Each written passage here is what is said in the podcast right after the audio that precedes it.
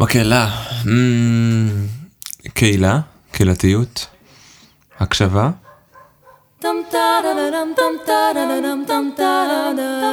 משני קולות על מקהלות, פודקאסט על מקהלות ומה שמסביב עם נטלי גולדברג.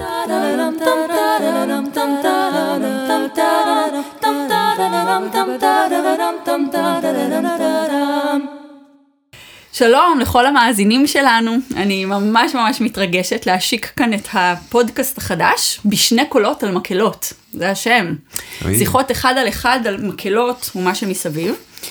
ולא פחות מתרגשת לארח לפרק הראשון את חברי הטוב יובל ויינברג, אחד המנצחים המוכשרים שגדלו כאן בארץ. אה, יובל משמש היום אה, כמנצח והמנהל המוזיקלי של מקהלת רשות השידור בשטוטגרד. אה, משמש כמנצח אורח של מקהלות מובילות נוספות באירופה. יובל זכה בפרסים ובתחרויות ניצוח בינלאומיות, מעביר סדנאות בפסטיבלים בינלאומיים וכיתות אומן באקדמיות למוזיקה ברחבי העולם. אז יובל, קודם כל אה, תודה רבה שהסכמת לבוא אה, ולהתארח כאן היום. אה, הבחירה שלי בך כאורח הראשון של הפודקאסט היא לא מקרית, אתה יכול בטח אה, לדמיין. אנחנו בעצם כבר שנים אה, מתכוננים לפודקאסט הזה מבלי שאנחנו באמת ידענו. הרי יש לשנינו יחד קילומטראז' מאוד ארוך של שיחות על מקהלות ועל עוד המון דברים אחרים. בתור מי שגדל כאן אה, בארץ, אה, הוא מכיר היטב את סצנת המקהלות המקומית, וגם בתור מי שהיום עובד בעיקר באירופה, חשבתי שיהיה מעניין לקבל ממך קצת אה, פרספקטיבה רחבה על התחום הכל כך מרתק הזה של מקהלות. אז אני רוצה לפתוח בעצם בשאלה איך אתה רואה היום את עולם המקהלות ברמה הבינלאומית, לאיזה כיוונים העולם הזה הולך, מה צופן לנו העתיד הלא רחוק בתחום הזה. אה, וואו, אני עכשיו צריך לנבא את העתיד. אני חושב שאחד הדברים שבאמת קורים זה שהעולם הזה מאוד נפתח. כלומר, יש שם אין ספור אפשרויות, כמו בהרבה תחומי חיים אחרים. זה אומר שמבחינה סג... מבחינה סגנונית, אז יש אה, חלוקה להמון תתי סגנונים. אלה המקהלות הקלאסיות, מקהלות ששרות גוספל, מקהלות שמאלתרות, מקהלות שעושות אמ, אמ, פרויקטים שמשלבים אומנויות שונים של crossover.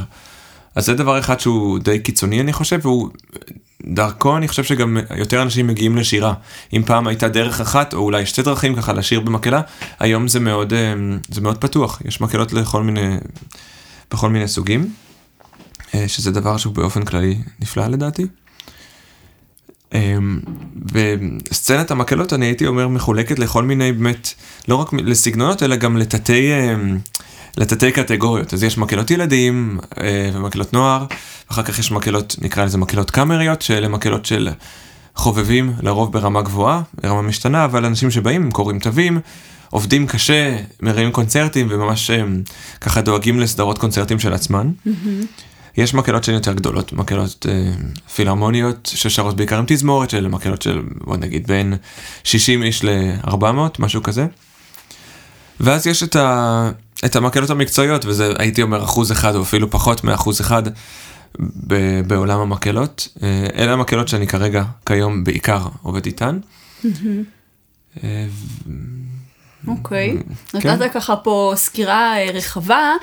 אמ, אני ככה בשנים האחרונות קצת מסתובבת בפסטיבלים, תחרויות וכאלה, ושמתי לב שלפחות במסגרות שאני הייתי בהן, אה, מעטות היו המקהלות שביצעו יצירות אה, קלאסיות אה, פר אקסלנס, כן, של המלחינים הקנונים, אה, באך, מוצרט, ברמס אה, וכולי. עיקר הרפרטואר שבוצע דווקא במסגרות האלה היה רפרטואר אני חושבת, בין זמננו, שכמעט באופן מוחלט שולבו בו תנועה, תיגוף, משחק, אפקטים שונים. אתה גם שמת לב קצת לתופעה הזאת, אה, ככה במקהלות שאתה אה, מתעסק... אה, אז האמת שפחות, אני חושב שבמעגלים האלה זה דבר שהוא פחות קיים, אבל זה באמת, כש- כשמתקרבים ככה לתחום התחרויות, כי הרי יש המון תחרויות מקהלות בכל העולם, בכל מיני צורות, תחרויות שהן יותר המוניות, עם ככה מאות מקהלות, ותחרויות שנבחרות אליהן, יש סינון ראשוני, ונבחרות באמת מקהלות, 10 מקהלות, 12 מקהלות. ושם באמת מאוד נהוג אני חושב לקחת קודם כל באמת מוזיקה בעצמנו והרבה מביאים מוזיקה בעצמ... בעצמנו מהמדינה שלהם. ויש משהו שהוא יחסית אובייקטיבי ככה, אה, האמת שלא, אה, זה לא נכון, יש משהו שהוא... אה, ש... זו הדרך, אני חושב שזו הדרך של המקהלות האלה ככה לייצג את עצמן ולייצג את הצבע שלהן ולייצג את המקום שמהן הן באו. ומן הסתם לשיר עכשיו ברמס בתחרויות כאלה זה לא, זה לא כל כך פייר, כי אנשים שמגיעים עכשיו מדרום אמריקה ולא כל כך שרו ברמס בחיים שלהם, mm-hmm. לעומת חבר'ה מגרמניה שגדלו בתור ילדים, מקהלת ילדים כבר שרו ברמס, אז אני חושב שיש באמת, במיוחד בתחרויות האלה ובפסטיבלים בחו"ל, יש תחושה של שליחות, כלומר אתה מגיע למקום אחר, אתה רוצה להראות מאיפה הגעת, וגם זה, זה עוד דרך שלנו לפרוח, כלומר אנחנו באלמנט שלנו, אנחנו מכירים את השפה, אנחנו מכירים את השפה המוזיקלית, אנחנו יכולים לחבר את זה אולי הרבה פעמים, בהרבה מהמקרים ל... למשהו שהוא יותר עממי, שמגיע מהמוזיקה העממית, או ממוזיקה שהיא קצת יותר uh, מושרשת. והיא תמיד נורא מרשימה אחרים, בגלל שבשבילם זה דבר עזר, ופתאום לשמוע מקהלה שמסלסלת ביחד, mm-hmm. עבור אוזן, נגיד נקרא לזה אוזן מערבית, שלא שמע דברים כאלה לפני, זה משהו שהוא מאוד, אה, מאוד מיוחד, ולשמוע מקהלה בולגרית, שרה בהפקה בולגרית, זה משהו שהוא, אה, שהוא. מסמר שיער. כלומר, שכל מקהלה בעצם מנסה להביא את הייחודיות שלה, כן? מנסה להביא את הדברים המיוחדים שהיא יכולה להביא לתוך העולם הזה. לגמרי, כן. וגם, וגם לזכות, לזכות בכמה שיותר נקודות. אז... אני חושב שזו אחת הדרכים. באמת, הרבה במערכת התחרויות יש אה, מין יצירת חובה, שהרבה פעמים היצירה הזו היא יצירה של מוזיקה עתיקה, או באמת מוזיקה רומנטית, ושם המקהלות נשפטות בצורה הוגנת נקרא לזה, mm-hmm. והרבה פעמים זה גם מפתיע, כלומר, ארץ המקור לא תמיד לא תמיד, זה לא תמיד קוהרנטי, זה לא שכל המקהלות שמגיעות מדרום אמריקה שרות פראמס פחות טוב מגרמניה, להפך, בכלל לא. Mm-hmm. וגם אני חושב שמחפשים בזה, אנחנו כן רוצים לשמוע גם מוזיקה שהיא יותר, שהיא קיימת יותר ממאה שנה, אנחנו רוצים לשמוע לא רק את המסורת, אנחנו רוצים לשמוע משהו שיחדש לנו. ולפעמים דווקא צבעים שאנשים מביאים ממקומות אחרים יכולים להועיל. אוקיי, okay, מעניין. אמ, איך אתה רואה את עולם המקהלות בארץ היום? ככה, אתה אמנם חי לא מעט שנים אה, באירופה, אבל אתה מכיר היטב את הביצה המקומית שלנו. Mm. מה החוזקות שלנו כאן אה, במקהלות, מה החולשות שלנו לעומת העולם, איך אתה רואה את זה? קודם כל אני חושב שהמון אנשים שרים בארץ. אה, אני לא יודע אם יש סטטיסטיקות, במדינות אחרות הרבה פעמים יש סטטיסטיקות כאלה שבאמת גם משמשות כנשק כשצריך להילחם על התרבות הזו, אבל בכל מקרה, בכל מקום שלא תלכי תראי שיש חבורת צמר או מקהלה, מקהלת ילדים, בקונסרבטוריון, בבית הספר, בבית אבות, כלומר יש באמת, אמ, יש, יש, כן, תרבות השירה היא קיימת בהחלט. ואני הייתי אומר שזה באמת מתחלק לשני שלבים בחיים, השלב הזה של אה, ילדים ונוער, עד גיל צבא, ואז מגיע הצבא, ואז הלימודים, ואז מגיעים החיים ולאף אחד אין שום אין זמן לשיר, אז אה, אפילו שיש מקהלות ילדים ונוער נפלאות, באמת, בכל קנה מידה, גם בקנה מידה בינלאומי, שבאמת צומחות כמו, כמו אי ב, ב, בתוך שממה, כלומר, פתאום אה, במקומות שאין שום סיבה חוץ מהמנצחת או המנצח שהצליחו להקים מכלום, דבר שעומד ככה על שתי רגליים ו... ונע ונד. עד ל... באמת, עד לגיל 18, וכמובן שיש עוד הרכבים בין לבין, אבל אני מדבר על הרוב, ואז אנשים חוזרים לשיר, לא יודע, בגיל פנסיה, בגיל 60, כש... כשהחיים, כשמורידים הילוך ומבינים שיש זמן לא רק לרוץ ולא רק להספיק ולא רק להרוויח כסף, אלא, אלא גם ליהנות מדברים, והרבה פעמים אנשים, אני רואה הרבה אנשים שאומרים, לא שרתי 40 שנה וחזרתי לזה עכשיו, וכן, זה, יש לזה יתרונות וחסרונות. ואני תמיד חושב שזה לא משנה מה, אנשים צריכים לשיר. כלומר, ללכת לקבוצה, לשיר עם אחרים, לנשום איתם ביחד, לעשות איתם תרגילים, ללמוד איתם שפה חדשה, אמ, יש לזה כל כך הרבה ערך שאנחנו לא מקבלים מלשבת מול הטלוויזיה, אז לא משנה באיזו רמה, לצאת מהבית, להגיע לשיר. לחזרה, לשיר כן. ביחד זה, זה מרפא, וכאילו לא חסרים, אה, לא חסרים מחקרים מדעיים שיראו כמה השירה אני לא, לא אתחיל לדבר על זה, אני גם לא מבין בזה בכלל, אבל כמה, השיר, כמה השירה תורמת לבריאות וכמה השירה תורמת גם לבריאות נפשית וגם לקשר בין אנשים ולחיזוק של חברה. ברור, כן. אז בעצם הפער העיקרי אצלנו נוצר בעצם משלב הצבא ועד הפנסיה, זאת אומרת שאנשים מכורח החיים הלא פשוטים שיש לנו כאן כנראה לא מוצאים לעצמם את המסגרת המתאימה לשיר, לא מוצאים את הפנאי אולי אה, לשיר, כן, הם אה, במרוץ כן. החיים ככה. בדיוק, ואני חושב שאלה מילים שמתארות את זה טוב, די טוב, את מרוץ החיים. שנובע מכל מיני סיבות, כלומר זה חלק מהתרבות שלנו שהכל קורה די מהר, אנחנו צריכים להגיב מהר, אנחנו צריכים תמיד להיות שם כשמשהו קורה, אם זה בעבודה, אם זה במשפחה. אה, גם מבחינה כלכלית, אה, אם אני חושב על, תקו- על חופשת הלידה, שיש אצלנו בארץ, כמה זה? שלושה חודשים? שלושה וחצי קצר, חודשים. כן, זה בלתי. נתפס. אה, כלומר, בגרמניה, איפה שאני גר עכשיו, או באוסלו, איפה שגרתי קודם, יש לפחות 14 חודשים של חופשת לידה אה, לשני בני הזוג ביחד, שאפשר גם לפרוס אותם לשלוש שנים עם אה, משכורת חלקית. כן, יש לך איזה מחשבה איך היה אפשר לשנות קצת את התמונה הזאת? כלומר, לגרום ליותר אנשים צעירים, אני מתכוונת מאחרי צבא ועד גיל הפנסיה, לקחת חלק במסגרות מקהלתיות? אמ, זו שאלה טובה, אני חושב שזה הרבה פעמים באמת עניין של זמן, אז אולי ל- לעבוד באמת ב... יותר בפרויק... בפרויקטים או ב...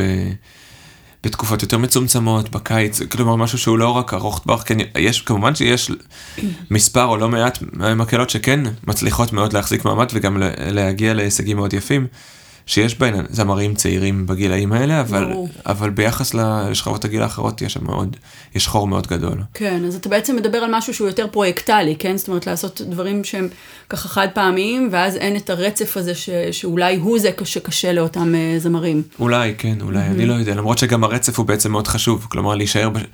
להיות בתוך השגרה הזאת של שירה, של קריאה, של קריאה מיטבים או של שירה ביחד, זה- כן. כן, כן. טוב, זה, זה בהחלט אתגר מאוד גדול שאנחנו מתמודדים איתו כאן.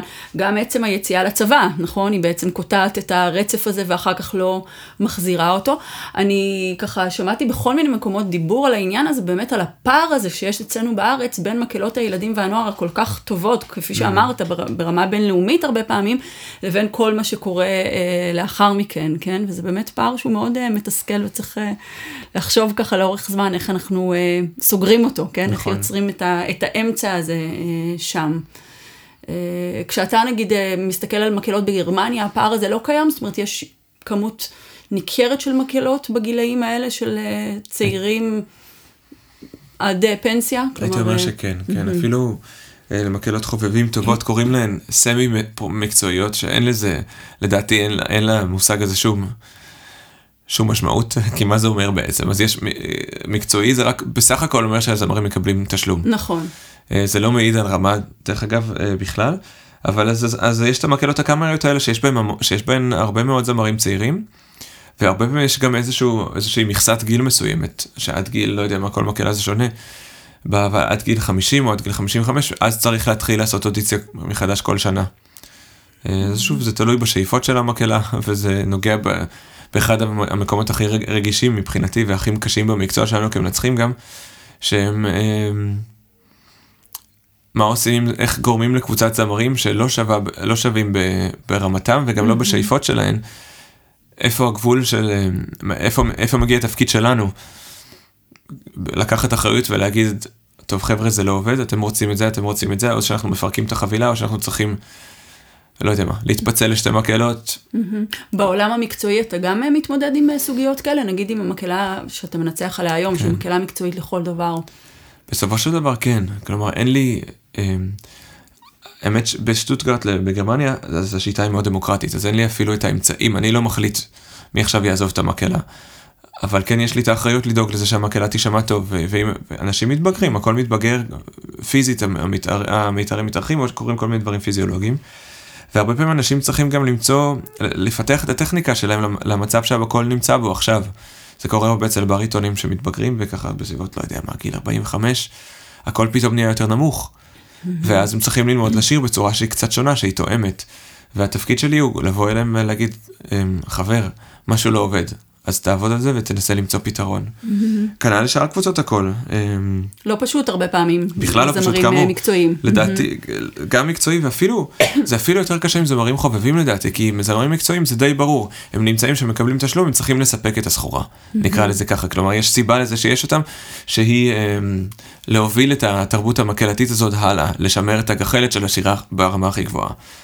אבל דווקא כשנקרא לזה, כשיורדים ברמה, אנשים הרי מגיעים לשירה מתוך מקום של אה, תשוקה, מתוך מקום של... המוטיבציה העיקרית זה היא שהם רוצים לעשות מוזיקה ביחד, שהם רוצים להיחשף לדבר הזה. הרבה פעמים זו גם מסגרת חברתית לגמרי, עבורם. בדיוק, הם רוצים להיות כן. חלק מהקבוצה, הם- ואז לקחת מישהו ולהגיד לו, "אתה כבר, אתה לא מתאים לכאן יותר, או אתה לא מתאים לכאן באופן כללי, זה דבר שהוא נורא נורא אכזרי. ברור. אז באמת צריך לדעת לקרוא את הסיטואציה ולראות מה נכון למקהלה. כן. כי לפעמים יש אה, הק- הקרבות לכאן ולכאן. כי אם, זה מרגיש לי תמיד שאם רוב המקהלה הם אנשים נורא אמביציוזיים, והם נורא רוצים להגיע עכשיו לרמה הכי גבוהה שיש, אפילו אם הם לא מקצוענים, ויש בן אדם אחד או שניים שגוררים אותם אחורה, שהם פשוט לא, לא תואמים את הרמה של, של השאר. אז כל השאר, כל האלה שכן רוצים להגיע, ל- להתקדם הלאה, מאוד מתוסכלים, ואז מה שזה יוצר זה המון המון מתח בתוך הקבוצה. ואת המתח הזה אפשר או לפתור על ידי כך שאומרים, אוקיי, יש לנו שני, שני, שניים, שלושה, אחד, שלא, שלא מצליחים לעמוד בקצב, אנחנו עוזרים להם, אנחנו מושכים אותם ביחד. וזה תלוי בסיטואציה, ויש סיטואציות שפשוט אין ברירה, ואומרים, אני חושב שמתאימה לך מקהלה אחרת, ואולי אני אעזור לך למצוא את המקהלה הזאתי, כן. או שתבוא למקהלה אחרת שאני עובד איתה, לא יודע. כן. אמ, כי זה בעצם, זה בעצם עוזר לכולם, אף אחד גם לא רוצה להרגיש כמו הגלגל החמישי או ה- הכבשה השחורה, אז ברור, כן. אם אתה ככה מסתכל בגדול על עולם המקהלות בארץ היום, מה, מה ככה ההמלצה שלך בתור מישהו שבאמת מצד אחד מכיר ומצד שני קצת מסתכל מהצד? מה אתה חושב הדברים המרכזיים שאנחנו כאן, אני אומרת אנחנו כי אני בכל זאת כאן בארץ, אה, צריכים לעשות בשביל באמת להבטיח שהעולם הזה לא רק ישתמר אלא אפילו יתקדם ויפרח יותר? אמ, קודם כל להופיע, פשוט לשמור על... להופיע, כלומר לשיר, אם זה לשני אנשים, אם זה לשלושת אלפים איש, אמ, זה דבר אחד. והדבר השני זה לא לוותר על ההקשבה. אני חושב שהקשבה זה אחד הדברים שאנחנו מקריבים מאוד מהר כדי להגיע לאיזשהו, אה, אה, בוא בוא בוא מהר נסדר את זה, את יודעת, ואז כל אחד מנסה לעזור, ו... ואני רואה את זה גם בעניין של הקהל. היום היה לנו קונצרט, הגעתי לכאן ישר מקונצרט בחיפה, ואני רגיל שנכנסים לאולם, הקהל מוחא כפיים, אנחנו עומדים במקום, ואז יש שקט, מחכים כמה שניות ומתחילים לשיר. וזה קצת שונה בארץ, כי נכנסים, אנשים מוחאים כפיים. אה, ואין שקט. כולם מאוד חיוביים, אני מסתובב, מחכים כמה שניות, ואין שקט. כן, אז אני מחכה עוד כמה שניות, אבל עדיין יש, או שמישהו כאן מתלחש בצד אחד, או שמישהו אומר משהו, או שאנשים גוררים עוד כיסאות מאחורה, או שיש כאלה שמרשרשים עם, ה... עם. התוכניה, עם התוכניה רציתי להגיד, אבל אז צריך, צריך לקחת, לזרוק את התוכניות מהעולם שלנו, סתם. זה לגמרי. אמ, אז כן, אז, אז זה נקודת מוצא שהיא שונה, אבל, אה, אבל אני לא מוותר, כלומר, אז מתחילים שם, אז אני מחכה לה, היום חיכיתי באמת לשנייה הזאת שהרגיש לי שזה לא השתפר, ש- ש- שם אנחנו נמצאים, התחלנו לשיר, ואז עם כל, בכל פעם שהיו מחיאות כפיים, כל יצירה חדשה, שמתי לב שהשקט מתגבר. כלומר, והשקט גם מתחיל במוזיקה, כלומר, כשיש איזושהי פרמטה מאוד גדולה, או שיש, אחרי קדנציה גדולה יש פתאום שתיקה, והמתח נמצא בחדר, אז פתאום אנחנו מתמסרים אליו, וגם הקהל מתמסר אליו, והוא כבר לא מפחד ממנו גם, כי שקט יכול להיות דבר מאוד מאיים, כי אה, בשקט המחשבות מתחילות לרוץ, אה, יש קשר ב- בלתי אמצעי בין אנשים, שהמילים הרבה פעמים עוזרות לנו של, סוג של להתגונן אחד מפני השני. אמ, אז מה שקרה היום גם, שהשקט התגבר והתגבר, וכשהגענו לסוף הקונצרט, פשוט, פשוט היה שקט מוחלט.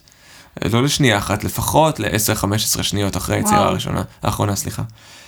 אה, ואני אני, אני תמיד נורא נהנה מהשקט, כלומר מבחינתי אם הגענו לשקט הגענו לרמה הכי גבוהה של מוזיקה, כי זו, זו, זו המהות בעצם, הגענו למהות של עצמנו, בפנים, כל אחד עם עצמו, וכשאנחנו בשקט אנחנו יכולים להקשיב אחד לשני, אנחנו יכולים לנשום ביחד. וזה הפתיע אותי שלא מעט אנשים מה- מהקהל ניגשו אליי אחר כך ואמרו איזה שקט, איזה שקט היה פה בסוף, והבנתי שלא רק אני מתרגש מזה אלא כולם. כלומר, החוויה הכי גדולה של הקונצרט הייתה דווקא רגעי השקט. לגמרי. מעניין, אני, אמ, מעניין. ואני חושב גם ככל שיש יותר אנשים בחדר מסוים, ככה העוצמה של השקט היא יותר, יותר גבוהה. כלומר, זה כאילו שקט בפורטיסימו, אה, כשיש 300 אנשים באולם ויש ממש שקט.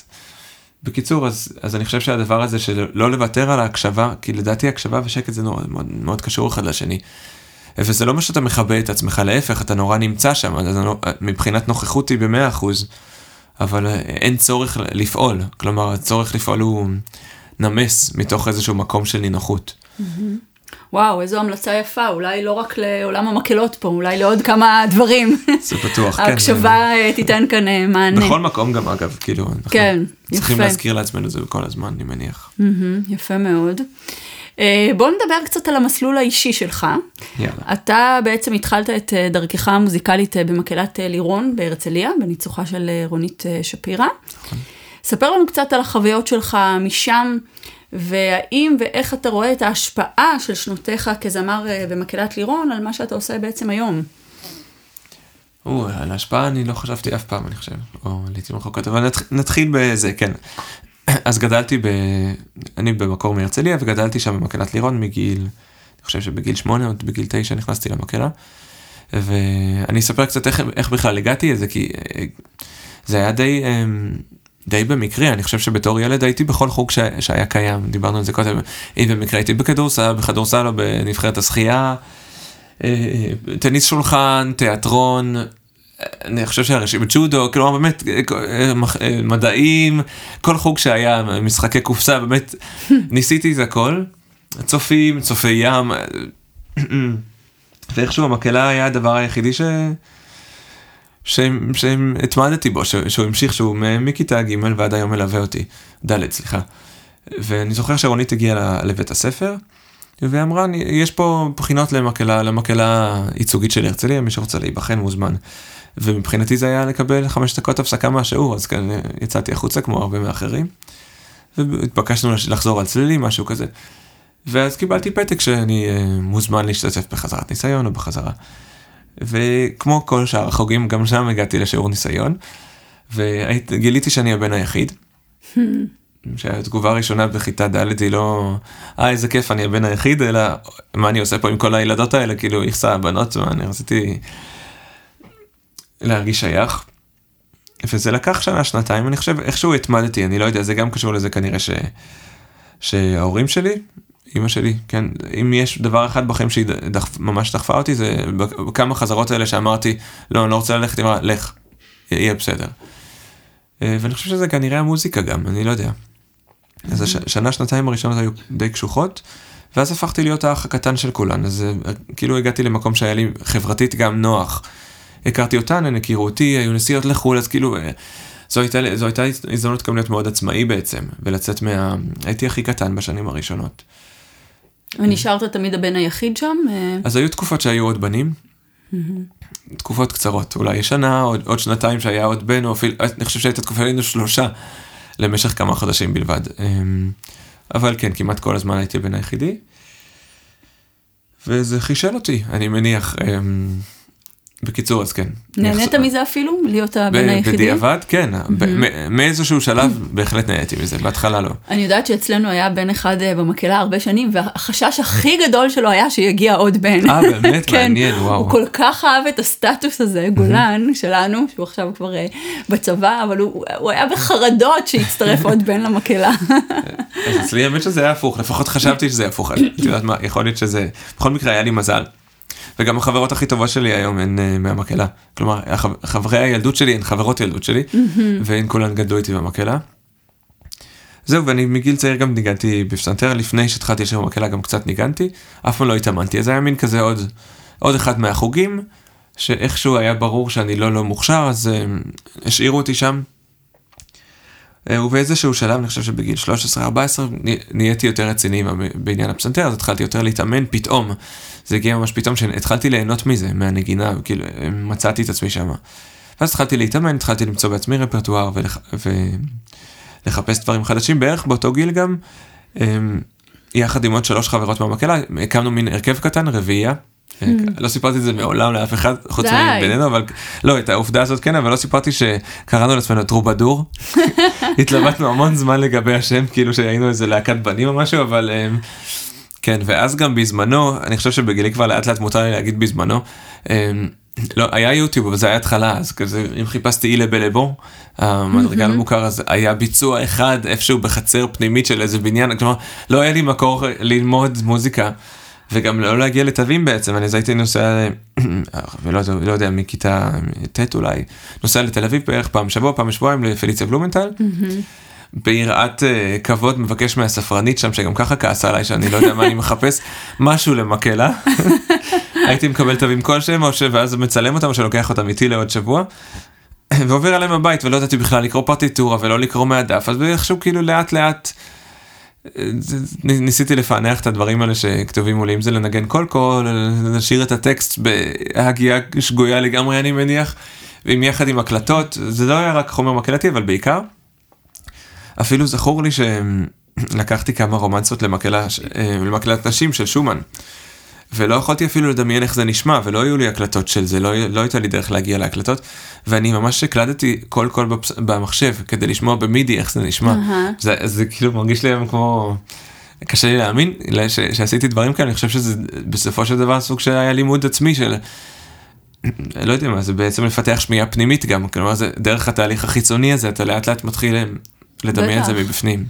כנראה שהיה לך passion מאוד אה, חזק לתחום הזה, זאת אומרת, כנראה, אה, כן. זה נשמע ככה מכל כן. הדברים שעשית. אה, וואו. איך הייתה העבודה עם רונית? אמ, אין לי מילה אחת לתאר את זה, אז אני פשוט אספר קצת.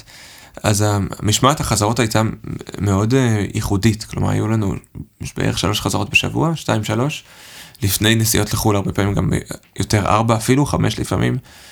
חזרות של שלוש, ארבע שעות, בלי הפסקה. כולם יושבים על קצה, בקצה הכיסא כל הזמן, לא מדברים בכלל. כלומר באמת תנאים ש... שאז חשבתי שזה דבר נורא מקצועי, אבל איזו מקהלה תסכ... מקצועית תסכים לשבת יותר משעתיים ברצף בלי הפסקה. קשה לדמיין אה, ילדים ובני נוער היום עושים את זה, נכון, כן? נכון, אני גם לא בטוח שהיום זה בכלל אפשרי. כלומר, לפני 25 שנה זה, זה עוד היה משהו שכבר, גם אז הוא כבר לא היה כל כך אה, קל ליישום, והרבה באמת לא, לא הצליחו לשרוד את, ה, את התנאים האלה, והפסיקו באמצע, באיזה, באמצע התקופה שלהם במקהלה. אבל איכשהו זה דיבר אליי, אני לא יודע, זה משהו בתוך זה, גם עשינו באמת, ביצענו מוזיקה ברמה מאוד גבוהה, וגם ביצענו יצירות קשות, ואני חושב שבאמת הגענו ל... נגיד, אני תמיד חושב שלשיר אוניסון זה אחד הדברים הכי קשים, ש... זה הדבר הכי קשה שיש, כלומר, כשמקהלה מתחילה לשיר אוניסון, אז אתה שם לב באמת מה, מה טיב הח... החיבור בין הזמרים, כלומר, כמה מצליחים להגיע מצל אחד לשני, לדייק ממש ב... באינטונציה של השיר כל צליל. ואני חושב שבזה היינו מאוד מאוד טובים, כלומר, המין ה...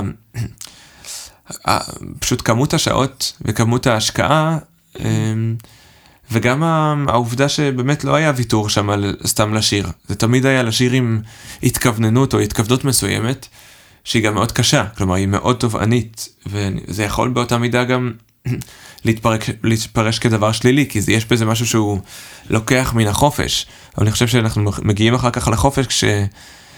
כשאנחנו בתוך ה... מבינים את המדיום, ואנחנו כבר יש חוקים ברורים, בתוך החוקים אנחנו יכולים ליצור חופש, חופש מוחלט. אה, אז כן, אני חושב שזה בתור ילד היה דבר די מיוחד לחוות את זה.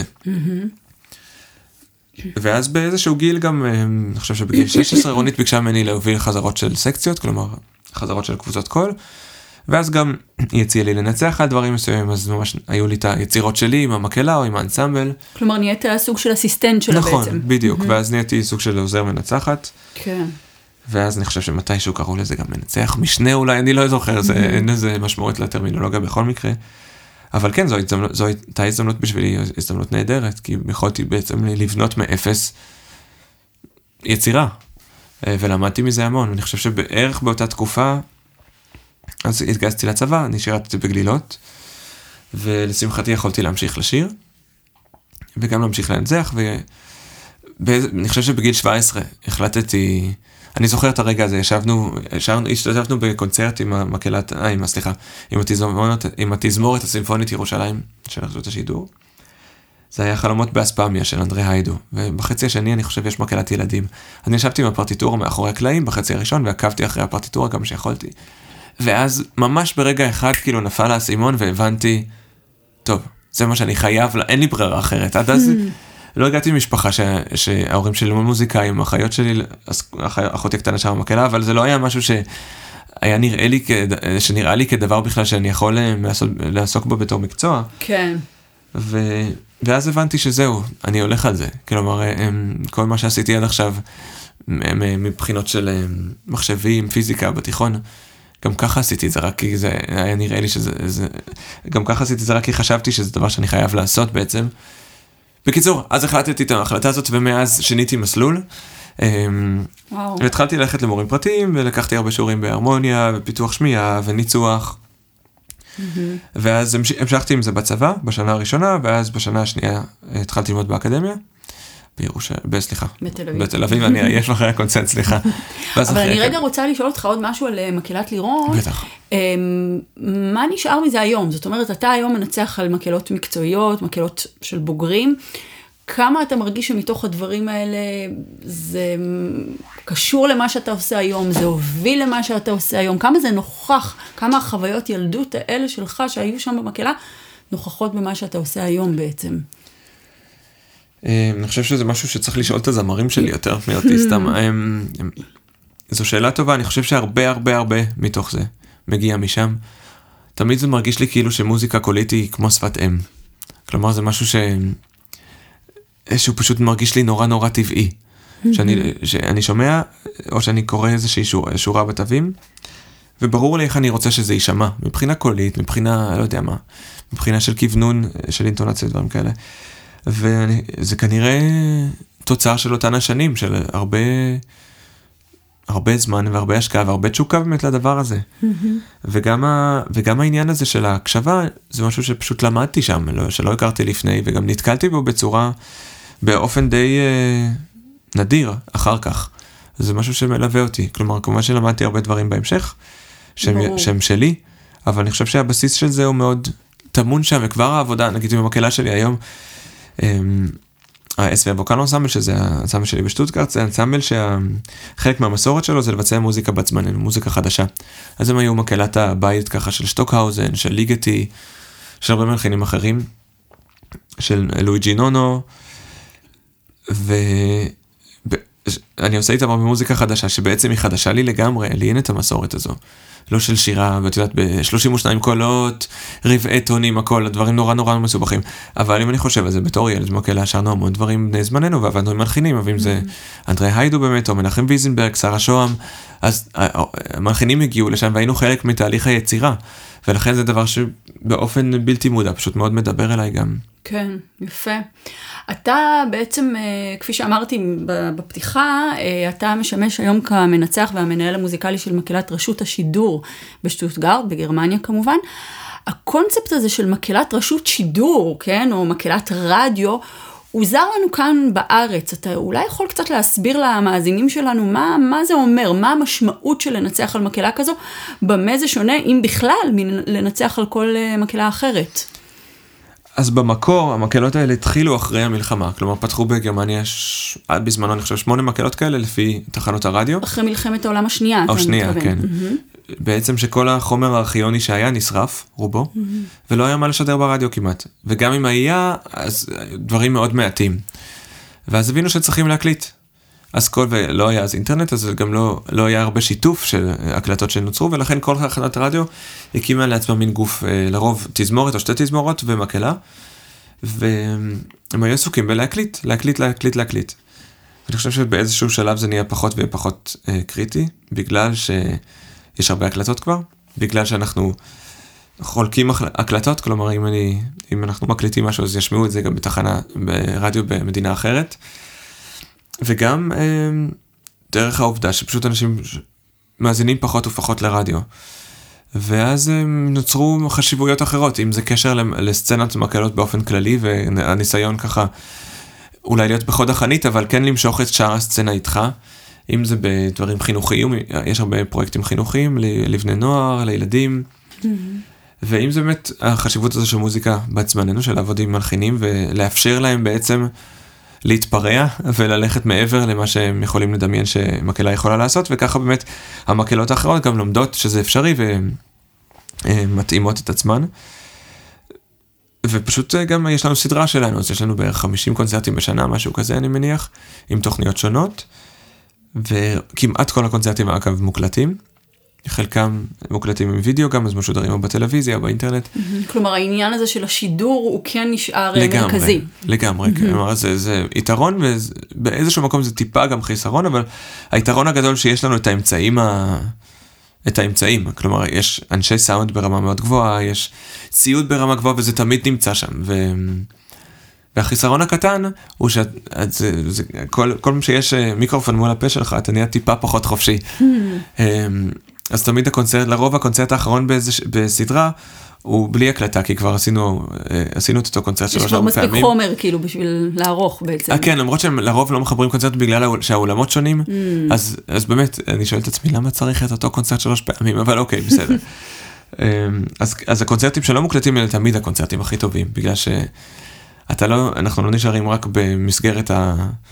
במסגרת, איך קוראים לזה, האזור הירוק, אלא אנחנו ממש פולשים לכל מה שמעבר למאה אחוז, ולא מפחדים ככה... אפשר לצאת- להשתחרר. כן, אה, לגמרי להשתחרר. לצאת להרפתקאות, ומה שיוצא יוצא. כן. וזה מביא באמת, ל- זה מח- מחבר את הקהל הרבה יותר אלינו, כי אנחנו נותנים יותר מ-100%, אנחנו נוכחים שם ב-100%. מעניין. יובל, אתה מנהל כבר לא מעט אה, שנים קריירה ככה מאוד אה, ענפה ויפה באירופה, בתור המנהל מוזיקלי של מקהלות חשובות, ובכל זאת אני רואה שאתה מקפיד אה, להגיע לא מעט לארץ ולקחת חלק גם בסצנת המקהלות המקומית כאן שלנו. ממש, ממש עכשיו אתה בעיצומו של סיבוב הופעות עם האנסמבל הקולי הישראלי, בניצוחו של יובל בן עוזר. אה, ולפני שבוע העברת גם סמינר מנצחים במסגרת ארגון המקהלות הלל, גם אצלנו במרכז נונה העברת סדנה למנצחי מקהלות ילדים ונוער. אה, אני מניחה שיש לך הרבה מאוד הזדמנויות אה, באירופה, ייתכן כי אפילו שוות יותר, מעניינות יותר ממה שיש לנו כאן להציע בארץ.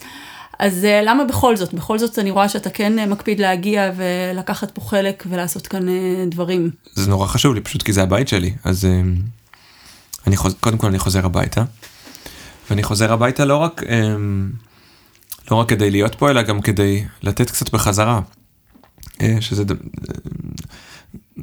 זה סיפוק מאוד גדול. אני גם מאוד uh, מוקיר תודה על זה שבכלל מזמינים אותי לארץ, וגם זה נהיה... מאז שבעצם עברתי מהארץ ללמוד בברלין, ואז למדתי באוסלו, ופתאום מתישהו, אני חושב שאחרי שהייתי בטאלין, עם, עם המקהלה שהייתה לי אז, עם מקהלת הנוער הלאומית של נורבגיה, היו שם לא מעט מקהלות ישראליות, וגם מנצחים ישראלים, וספציפית בסדנה שאני העברתי, גם היו לפחות שתיים או שלוש מקהלות ישראליות. ואז אני חששתי מזה, כי לא ידעתי איך, להפך, איך הישראלים שיגיעו לשם יגידו, אוי, מה זה מנצח ישראלי, כאילו הגענו לפה, כאילו רצינו- נביא בעירו, כזה מין, כן, אה, כלומר... אה, יכול, גם זה וגם כאילו רצינו מישהו מחו"ל, כאילו שיראה דברים אחרים. וזה, וחששתי מזה, והופתעתי כל כך לטובה מהפרגון, כלומר, הם היו, לא רק שהם היו בצד שלי, הם הרגשתי שהם היו 100% מאחוריי, והם באו לשם כדי לתמוך בי. ו- איזה ו- יופי, לא מובן מאליו, דרך בכלל. לא מובן מאליו, אבל... אמ, אז ואז הייתה לי עוד חוויה, לא, ועוד חוויה, ובכולן היה לי החשש הזה, של טוב, הם מגיעים, הם יתמחסבו, הם... אה, ובכולן זה היה אותו דבר, כלומר, וכבר, ואין לי את החשש הזה יותר, כי אני מבין ש... לא יודע למה. אין לי את החשש הזה פשוט כי הניסיון שלי הראה לי ש, שאנשים אה, משתפים פעולה וגם גאים אני חושבת. כן, נכון, יש בזה משהו. אומרת, בתור, אתה יודע, ישראלים מעולם המקהלות, אם זה זמרים, אם זה מנצחים אחרים, יש איזו תחושת גאווה מאוד גדולה שצמח לנו כאן בארץ כזה מנצח. ואני חושבת שגם יש יתרון לעבוד בסופו של דבר עם מנצח ישראלי, שמכיר יותר את השפה, את התרבות, את איך, איך העולם הזה עובד פה ומה המאפיינים הייחודיים שלו, נכון, כן? נכון, כן, נכון, תכף נגיע לזה. אמ, וזהו, ואז באמת אחרי, אחרי טאלין, וספציפית אז שרתי עם מקהלת הנוער אה, הנורבגית את נעילה, את, אה, שזו יצירה שמבוססת על תפילת נעילה של ערן דינור. יצירה נורא חזקה. ובאחד הקונצרטים שעשינו שם, היו באמת המון ישראלים. במקרה, הכל היה במקרה.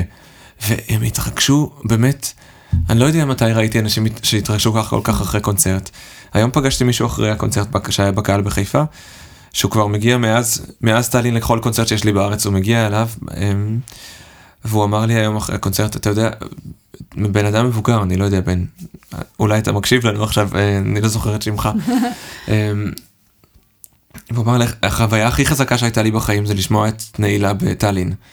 ואני חושב שמשהו פתאום השתנה, אז גם מבחינתי, אחרי זה גם נעמי פארן יצרה איתי קשר והזמינה אותי לעשות פרויקט עם אנסמבל מורן, שזה בעצם הפרויקט הראשון שעשיתי בארץ בתור אורח. ומאז... אה, נפתחה הדלת. כן, כן, העניינים התחילו להתגלגל. ואני בקשר עם לא מעט אנשים מהארץ. וזה באמת מאוד שמח על ההזמנות, כלומר, כל פעם שאני מגיע לארץ אז את שואלת, בא לך לעשות אה, סדנה קטנה במעגן, או להעביר קורס ניצוח או משהו כזה, לא, אני גם מביאה אותך במיוחד לפעמים, יובל, כאילו. נכון, נכון, נכון, וגם עשינו בקורס רציני בפעם שעברה. כן, ואנחנו עוד נעשה קורס רציני בעתיד גם. בטח. אה, יש לנו תוכניות, אני אומרת פה למאזינים המ- אה, המנצחים שביניכם, אז אה, יש עוד אה, תוכניות אה, כן. ככה רציניות. אה, אני חושבת שאנחנו כמובן זוכים, זוכים בך כאן אה, בארץ. איך זה באמת אה, לעבוד בארץ? זאת אומרת, איך התחושה הזאת של לעבוד עם מנצחים ישראלים, עם זמרים ישראלים, כשאתה בא לכאן? אמ, היא מאוד, אה, זה נשמע כמו קלישאה, אבל זה מרגיש נורא נורא חשוב. כלומר, קוד- קודם כל הפידבק שאני מקבל הוא לא פידבק של היה מצוין, תודה רבה, אלא זה פידבק שהוא כל כך טעון בצמא וב... לא יודע מה, ציפייה לפעם הבאה, ש, שזה נותן לי המון המון כוח. כלומר, אני אה, אה, מסיים מרוקן מכוחות בגלל שזה גם עולה, עולה אנרגיה מסוימת, אבל אני מקבל כל כך הרבה בחזרה שזה מטעין אותי בהמון המון, בהמון מוטיבציה. ודווקא בגלל, בגלל העובדה שאין פה המון עצה, כלומר זה לא שבכל פינה, בכל עיר שתלך תהיה מקהלה ברמה הכי גבוהה שיש, בכלל לא. צריך לחפש את הדברים האלה, אז דווקא בגלל זה התחושה הזאת של האי שדיברנו עליו קודם עם מקהלות הילדים, היא מאוד, היא מאוד גדולה, כי אתה מצמיח משהו שהוא מאוד מיוחד בתוך שממה. אה, ואין, בעצם אין גבול כזה, זה יכול להמשיך להתפתח ולהתפתח. ואני נורא נורא נהנה גם להכיר אנשים חדשים כל פעם. אם זה באמת אה, בסימ- בסמינרי מנצחים, או עם מקהלות שונות שאני עובד איתם כאן. אז אמ, זו זכות גדולה, כי כל, כל בן אדם מרחיב לך טיפה טיפה טיפה את הלב, חלק יותר, חלק פחות, ו, והלב ממשיך להתרחב ככל שאתה פוגש עוד ועוד אנשים. אז זה נורא כיף. זה יופי, זכינו, באמת, אני באמת אה, כנ"ל. מרגישה שזכינו ושזה רק ימשיך. לגמרי, כן. תראה, בסוף אה, יש לך פה משפחה, אז אנחנו יכולים להבטיח שתמשיך בכל מקרה להגיע לכאן, כן? אבל אם על הדרך אתה גם יכול באמת לתת את התרומה שלך, גם בתור מי שגדל פה וגם בתור מי שמנהל היום באמת קריירה מאוד אה, מרשימה באירופה, ובא עם רעיונות חדשים ועם כיוונים חדשים, אני חושבת שהרווח הוא כולו שלנו. אז תודה על הדבר הזה. בטח, אני צריך להגיד תודה. וזה גם באמת מיוחד, כי מה שאמרת קודם, שזה ש... זה גם יתרון מזה שאני ישראלי, כי אני... דברים לא מפתיעים אותי בהתנהלות. כלומר, אם לא, לא יהיה שקט בתחילת החזרה, אני לא אהיה, קודם כל אני לא אהיה בשוק, ואני בטוח שהרבה אנשים שמגיעים בכלל לא יודעים, בכלל לא מכירים את הסיטואציה הזאת. אמ, אז לא רק שאני לא אהיה בשוק, זה גם, זה לא מפחיד אותי, ואני מגיע מתוך אה, מקום אחר שאני מנסה למצוא דרכים יצירתיות לעזור לאנשים להתקדם משם ולהגיע למקום אחר שהוא שבאמת מקום עם יותר, אמ, לא יודע מה, נקרא לזה של יותר משמעת, או של יותר הקשבה, או של יותר ריכוז, באמת זה עניין של ריכוז הרבה. וגם אה, פחות פיזור, אלא מ- מין מסירות כזו לעבודה. כן. ואני חושב שכן, זה, זה בהח, בהחלט עוזר לי למצוא כלים, השילוב הזה. נהדר. אני לא יודעת אם אה, כל המאזינים שלנו יודעים את זה, אבל אה, אנחנו שנינו חברים טובים כבר אה, די הרבה שנים. אה, אתה זוכר איפה ומתי הכרנו? אני חושב שזה היה בזמריה, ב-2000, מתי זה היה? 2020? משהו כזה? לא, הרבה לפני, לא? אה, סליחה, 2010. 2010? קפצתי אוקיי, עשור, קפצת סליחה. עשור, אה, שולי, עשור. זהו, ככל שאנחנו מתבגרים זה כבר נהיה פחות קיצוני, נכון, אבל... אה, פחות חשוב גם. כן, כן, בטח, 2010. כנראה שזה היה 2010, אולי 2008? צריך לבדוק. אה, אוקיי, שם בהר הצופים. בדיוק. זאת בעצם הייתה הזמרייה האחרונה שהייתה. בהר הצופים. בשבילי נכון. גם הזמרייה הראשונה, דרך אגב, שהייתי בה. גם בשבילי, כן. אוקיי. אז אני הגעתי לשם שוב, זו הייתה פעם ראשונה בשבילי שאני עושה משהו שהוא... שאני מגיע, נכנס לסצנת המקהלות בארץ שלא קשורה למקהלת לירון. מה עשית שם בזמרייה? הייתי, סטנלי ספרבר העביר שם, אחת הסדנאות הייתה מיסה בעדו של בטהובן. והוא, בלי שהוא הכיר אותי בכלל, אני עשיתי, אמ, השתתפתי בקורס ניצוח מאוד קטן אה, בירושלים, שהעביר אנדרי דה קוואדרוס, הייתי בן 18 ולא ידעתי לנצח בכלל. אה, זה היה ממש כזה, ההתחלה, ההתחלה, זה לפני שלמדתי ניצוח, ו... אבל כן עבדתי כבר עם קצת עם מקהלות. ואז טני הגיע יום אחד להעביר סוג של, אה, לא הרצאה, אבל הוא דיבר קצת על המקצוע ועל עצמו. והוא נשאר, הוא נשאר איתנו לעוד שעה, ואז בהפסקה הוא ניגש אליו ואמר, זה הטלפון, זה הטלפון שלי, תתקשר אליי ב... לא יודע מה, תתקשר אליי במאי. ואמרתי, וואו. טוב, מעניין, כאילו, עד מאי היית צריך לחכות? כן, זה הרבה- זה הרבה אני- מתח, לא? אולי זה היה מרץ, אבל כן, הייתי בכל מקרה צריך לחכות, וכמובן שזה נשאר שם, הפתק נשאר על, אה, על שולחן הכתיבה עד שהגיע התאריך המיוחל. ואז התקשרתי אליו, הוא אמר לי, כן, אני צריך, אה, אני צריך אסיסטנט לזמריה, רוצה, רוצה לעשות את זה? אמרתי, בטח. עד אז גם בחיים לא עבדתי עם מקהלה, מקהלה מעורבת, גם לא שרתי עם מקהלה מעורבת בעצם, וגם לא, אף פעם לא עסקתי ברפרטואר כזה, כלומר, לא הגעתי מהמקום של היצירות הסימפוניות הגדולות. אז משם בעצם נתבע השם אסיסטנטלי? אה, כן, אז זה היה- אז- כשהיינו אז במזמרייה הזאת, אז בעצם אנחנו נפגשנו, וגם צביקה. נכון, אה, כן, ראוי להגיד שבאותה זמרייה אה, נוצרו כמה קשרים מאוד חשובים בחיי. צביקה וגם טים בראון דרך אגב, נכון. אה, שפעם ראשונה אה, צביקה, אני ואתה אה, הכרנו אותו, וכן, שם המצאנו את השם אסיסטנטלי, שזה בעצם לחם בסיסים, נכון? לגמרי, כן, זה לכם בסיסים שהוא היה, הוא הוא היה תקף בדיוק לשבוע שהיינו בו. והסתיים. מאז לא הייתי אסיסטנט לי, אבל טוב, אני עדיין כנראה. אז אז שזה גם היה דבר מבחינתי דבר מאוד מיוחד שמישהו שאני לא מכיר וכן מעריך וכן מכיר את השם שלו ואני יודע שהוא פרופסור לניצוח. ניגש אליי ונתן לי הזדמנות כזו בלי ש... בלי שבאמת אין לי לא את הידע ולא את המיומנות. אז זה היה מקום זה היה דבר נורא נדיב מצידו לעשות. איזה יופי, איזה יופי, איך דברים כאלה. יכולים להשפיע ולשנות לגמרי. מסלול לפעמים, התחושה הזאת לחלוטין. שמישהו פתאום ראה אותך ושם עליך את היד ואמר זה, לחלוטין. אותו אני רוצה שם, מדהים. כן כי האמונה הזאת זה מה שגורם לך באמת להעז. ולהאמין בעצמך גם, שאתה בדיוק. רואה שעוד מישהו בעצם מאמין בך ככה. כן. וואו, משמעותי מאוד. ואז גם הגעתי אליו לדירה ועברנו עליו הפעם הראשונה שהגעתי עם היצירה קצת עבדתי עליה לפני וממש לא הייתי מוכן לא ידעתי בכלל איך מכינים דברים כאלה לא- אפילו לא ידעתי שאני לא, לא מוכן. ואני חושב שהוא אפילו די התעצבן. הוא אמר לי תקשיב מה זה השטויות האלה אתה, אתה מגיע לפה עוד שבועיים אבל אתה מכיר את היצירה. וישבתי עם חברים עם איזה חברה טובה ופשוט שרנו את הקולות של זה ביחד כדי כי קש- היה לי קשה לבד להתרכז אז עם עוד בן אדם תמיד יותר קל להכריח את, אני צריך להיות אחראי למישהו אחר, אז, אז מאוד קל לי להכריח את עצמי גם. ברור. אז, אה, אז באמת עשינו את זה הרבה, לא מעט שעות, ואז הגעתי אליו שוב, אמר אוקיי, עכשיו אנחנו, אה, עכשיו אנחנו בסדר, ואני חושב שאולי היה עוד מפגש אחד, שבאמת קצת הכנו את היצירה ביחד, ואז הגעתי לשם, ולפעמים הוא פשוט לא, הוא אמר לי, כן, מחר אני לא אהיה פה שעה וחצי, תעביר את החזרה. עכשיו זה 100 איש, 100, 200 איש, אני לא זוכר. להעביר חזרות באנגלית, מקהלה מעורבת, זה היה בשבילי כאילו דבר עצום. אבל אני זוכר שגם אז, זה מעניין, כי באמת הרגשתי, בר... עם- והייתי באמת מאוד ביישן, לא...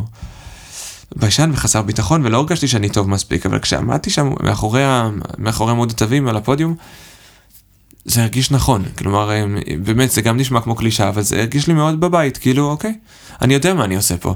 אני לא שזה צריך להוכיח. המקום שלך, זה הייעוד כן, שלך. זה, זה... וככל שעשיתי את זה יותר ויותר, אז גם הבנתי שהתחושה הזאת מלווה אותי, לא משנה עם איזו מקהלה אני עומד, אני מרגיש, כי אני יודע מה אני עושה. אפילו אם אני לא יודע מה אני עושה, אבל זה המקום הזה של השפת אם שדיברתי עליו קודם, שכנראה לגדול בתוך המוזיקה הזאתי, שהוא פשוט, אמ, הוא מקל עליי להיכנס ל...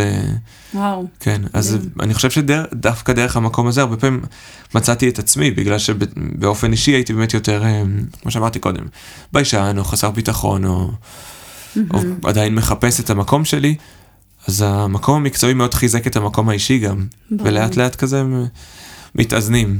כן, אז הזמרייה הזו בירושלים הייתה אירוע מכונן, לשנינו בעצם. כן, לגמרי, כן, כן. יפה, מעניין. צריך לברר באמת באיזו שנה זה היה, ככה שיהיה לנו אה, תיארוך אה, זה מדויק. בטוח לא יהיה קשה לברר, תכף נעשה את זה בסוף. כן.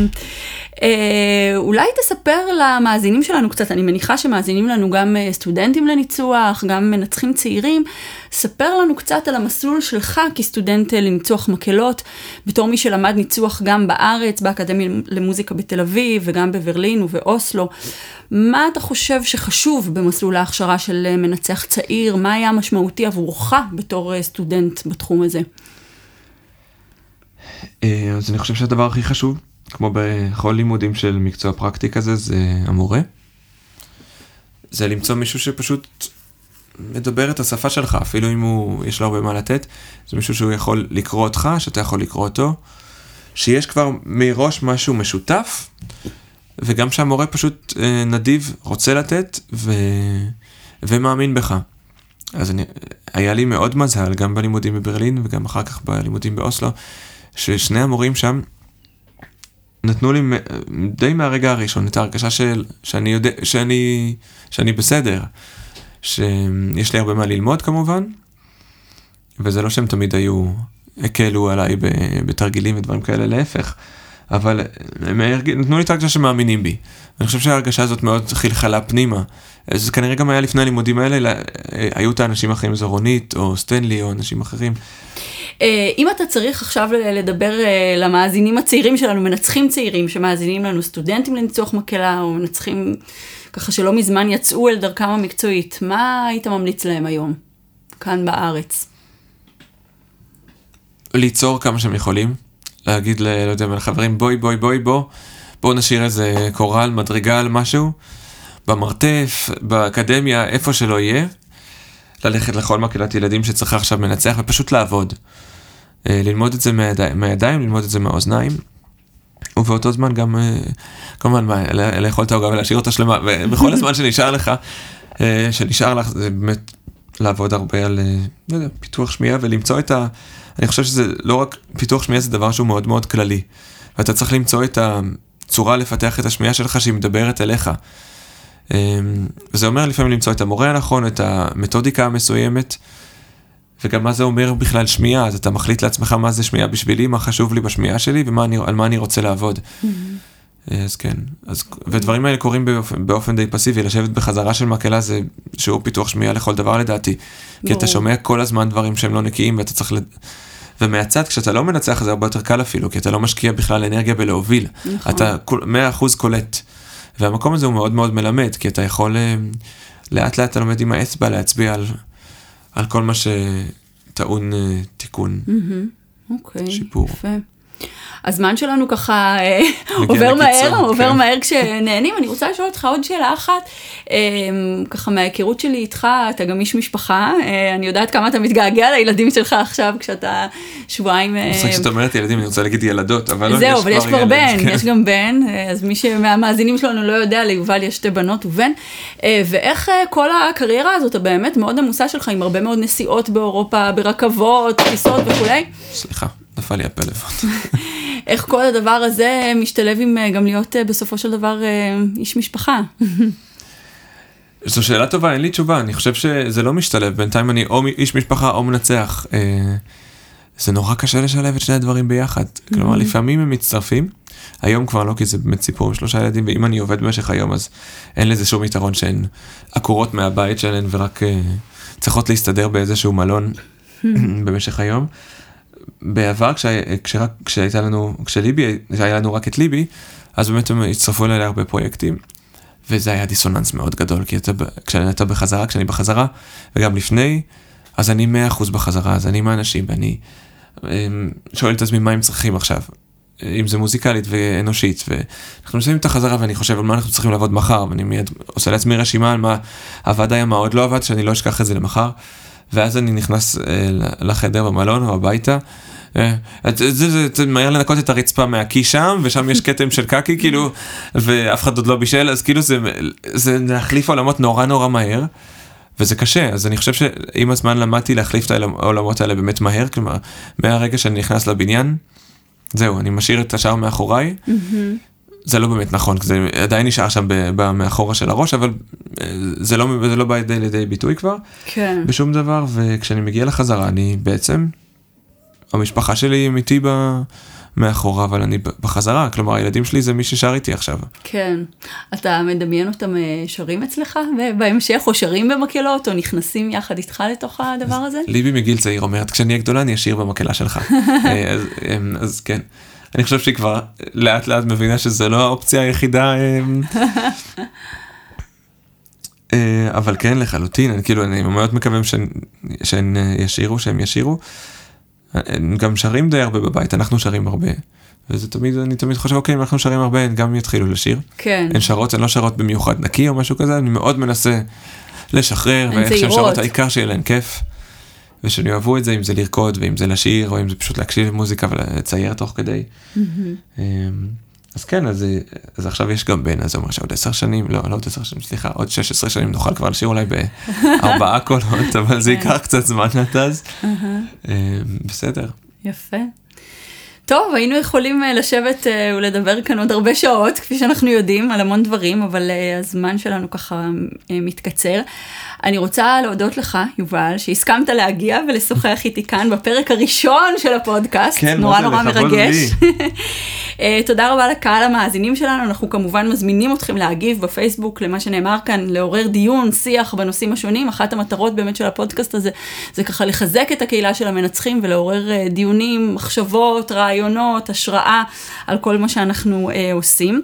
ואנחנו נתראה בפרק הבא של הפודקאסט אה, בשני קולות על מקהלות. אני עוד לא יודעת אפילו מי יהיה האורח או האורחת, יש לי ככה רשימה אה, של אה, אנשים שהייתי מאוד שמחה וסקרנית לראיין אותם, לשוחח איתם, אבל אה, זה יקרה, זה ימשיך. אז המון המון תודה, יובל, ותודה ו- לכם המאזינים. אני רק חייב להגיד כל הכבוד נטלי, כאילו ש... מי בכלל חושב להתחיל עכשיו פודקאסט על מקהלות? וזה לא רק זה, כי אני רק, כי אני מגיע לארץ ואני רואה כמה ש... כל כך הרבה אנשים קשורים אלייך והם כמו, כמו עצים שורשים שמגיעים לכל מקום, אז uh, הידע שלך והאכפתית שלך מגיע לכל, uh, מאוד משפיע על כל מה שקורה פה, אז uh, אני מדבר בשם עצמי וגם בשם אחרים. תודה, תודה תמשיכי, רבה. רק תמשיכי ככה. תודה, להתראות. ביי.